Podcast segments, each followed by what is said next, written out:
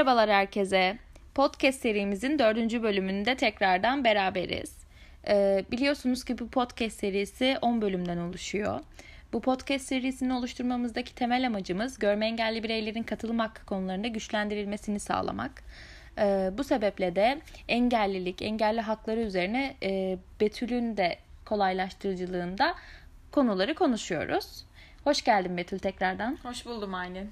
Nasılsın? İyiyim. Sen nasılsın? Ben de iyiyim. Bu haftaki konumuz engellilerin katılım hakkı dediğimiz zaman ne anlıyoruz? Ee, katılım nedir yani? Bu katılma eylemini bize biraz açıklayabilir misin? Tabii. Öncelikle katılma eyleminden bahsedecek olursak dahil olma, bir süreci üstlenme ya da etkin olarak tanımlanan bir katılım yani etkin olma durumu. Aslında siyasal, sosyal, ekonomik ve örgütlenme gibi birçok olguyu kapsıyor bu katılım eylemi.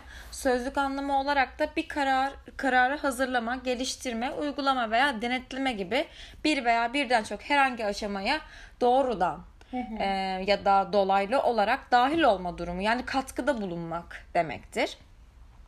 Aslında bu doğrultuda da katılım insanların kendilerini ilgilendiren konularda toplumsal, siyasal ve ekonomik gelişmelerde söz sahibi olmaları açısından temel bir insan hakkı olarak tanımlanıyor. Kısaca fikir belirtme de diyebilir miyiz yani basitçe? Yani şöyle fikir belirtme tabii ki de bu kapsam içine giriyor ama az önce de bahsettiğim gibi e, birçok konuda yani e, karar alma, denetleme veya e, direkt olarak yer alma, dahil olma gibi aşamaları da buna dahil edebiliriz.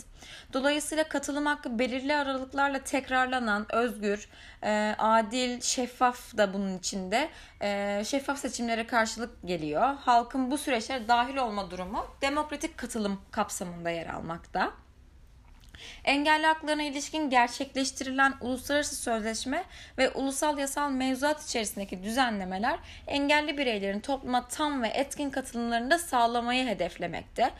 Bu doğrultuda engelli haklarına ilişkin sözleşmede katılım hakkı ile ilgili e, 9. maddede taraf devletlerin engellilerin bağımsız yaşayabilmesi ve yaşamın tüm alanlarda etkin olarak katılımlarını sağlamak ve engellilerin diğer bireylerle eşit koşullarda yani fiziki çevreye, ulaşıma, bilgi ve iletişim teknolojileri ve sistemlerine dahil olacak şekilde bilgi ve iletişim noktalarına hem kırsal hem de kentsel alanlarda yani halka açık tesislere ve hizmetlere erişimleri sağlamak için tedbirler alacaklar ibaresine yer verilmektedir. Hı hı. O zaman şey diyebilir miyiz hani bu katılım hakkını e, yani uluslararası sözleşmeler ışığında değil de normal sosyal hayattaki süreçte de önemi aslında burada vurgulanıyor. Tabii ki kesinlikle kesinlikle öyle yani her yani alanı bir, kapsayan hı hı. bir e, madde aslında bu. Aslında e, bir engelli bireyin normal sosyal hayattaki rutinlerini e, devam ettirebilmesi için de bu katılım hakkının yer alması gerekiyor. Sağlanması gerekiyor. Evet. Kesinlikle öyle. Taraf devletlerin bunu e, etkin bir şekilde sağlaması gerekiyor.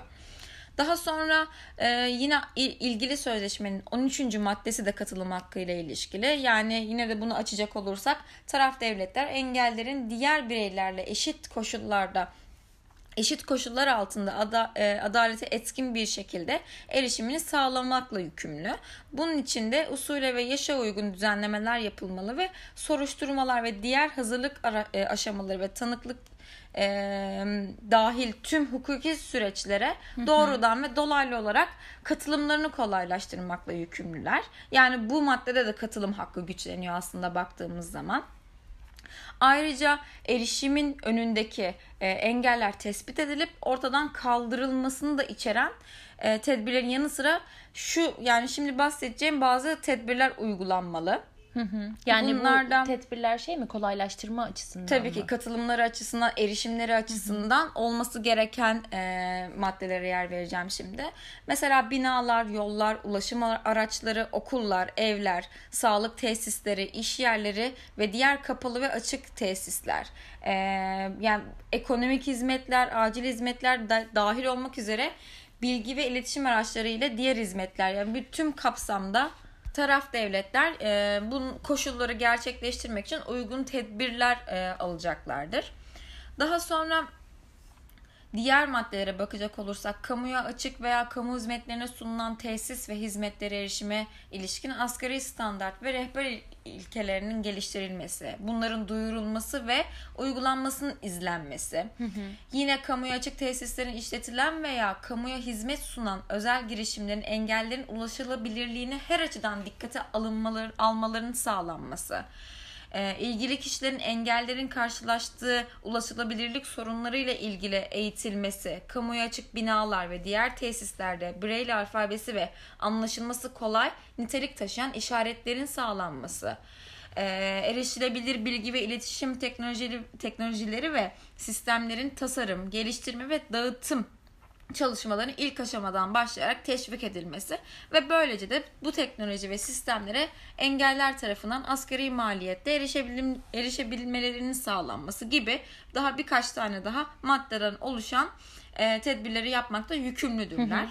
Aslında biraz önce bahsettiğin e, detaylarda engelliliğin e, birçok çeşitinin de yer almasını sağlaması gerekiyor. Hı hı hı. Senin belirttiğin üzere. Tabii tabii. Kesinlikle öyle. Ardından bu e, dahil olma süreci, katılım süreci neleri kapsar, neleri de yer alır? Biraz bunlardan bahsedelim. E, mesela e, engelli bireylerin karar alma süreçlerine etkin katılım dediğimiz zaman ne anlıyoruz? Yani engelli bireylerin hayatlarını kolaylaştırmak, sorunlarını tespit etmek, bu sorunlara yönelik çözüm üretmek aşamasına dahil olmaları gerekir. Bu doğrultuda sağlıklı bir şekilde politikaların politikaların oluşturulması ve bunların uygulanması için en önemli etken engelli bireylerin karar alıcı ve uygulayıcı konumda olan mekanizmaların içinde direkt olarak yer almaları gerekmektedir.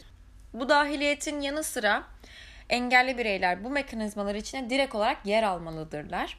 Ardından engelli bireylerin iş, iş istihdamına katılımlarına baktığımız zaman 2013 yılında pardon 2003 yılında düzenlenmiş olan iş kanununa göre 50 veya daha fazla işçi çalıştıran bütün yerler en az %3 oranda engelli birey çalıştırmaları gerekmektedir. Bu doğrultuda engelli bireylerin iş hayatına katılımı aktif ve anlamlı katılımları açısından oldukça önem teşkil etmektedir. Ayrıca bunun sosyalleşme, kendilerine güvenme ve katma değer üretmeler açısından da yararları bulunmaktadır. Tabii ki tek e, bir bakış açısıyla evet. değerlendirilemez. Evet evet kesinlikle öyle. Ardından engelli bireylerin siyasal yaşama katılım hakkından bahsedelim biraz. Bu siyasal yaşama katılım hakkı en temel haklardan biridir. Tüm bireylerin yönetici olarak seçilme, yönetici seçme ve siyasal yaşamda etkin olarak katılma hakkı bulunur. İnsan hakları ile engelli haklarının bir ayrılmaz, yani bir bütün içinde olduğundan zaten bahsetmiştik ve bundan dolayı da temel haklar arasında bulunan siyasal yaşama katılım engelli bireyleri de içermektedir. Ee, anlamlı ve etkin katılımları açısından siyasal yaşama katılım hakkı oldukça önem teşkil etmekte ve siyasal yaşama katılım önündeki e, yaşanan bütün engellerin ve bu sorunların kaldırılması gerekmektedir. Bu açıdan da seçme ve seçilme hakları engelli bireylerin haklarını gözetecek şekilde güncellenmelidir. Mesela e, erişilebilir platform e, formatlarda hazırlanması, erişilebilir ortamda oy kullanılmasının sağlanması gerekmektedir. Kesinlikle tüm engellilik çeşitlerini de gözeterek değil mi? Aynen, aynen öyle yani katılım hakkı dediğimiz zaman bu e, açıklamaları, bu tanımlamaları yapabiliriz genel olarak genel hatları, hatlarıyla. Tabii ki daha derinlemesine daha fazla şey söyleyebiliriz. E, bugünkü serimizde de katılım hakkı ile ilgili detayları vermeye çalıştık. Bu konuda teşekkür ediyorum Betül. Rica ederim Arlin. E, dördüncü bölümde de bizlerle olduğunuz için teşekkür ederiz.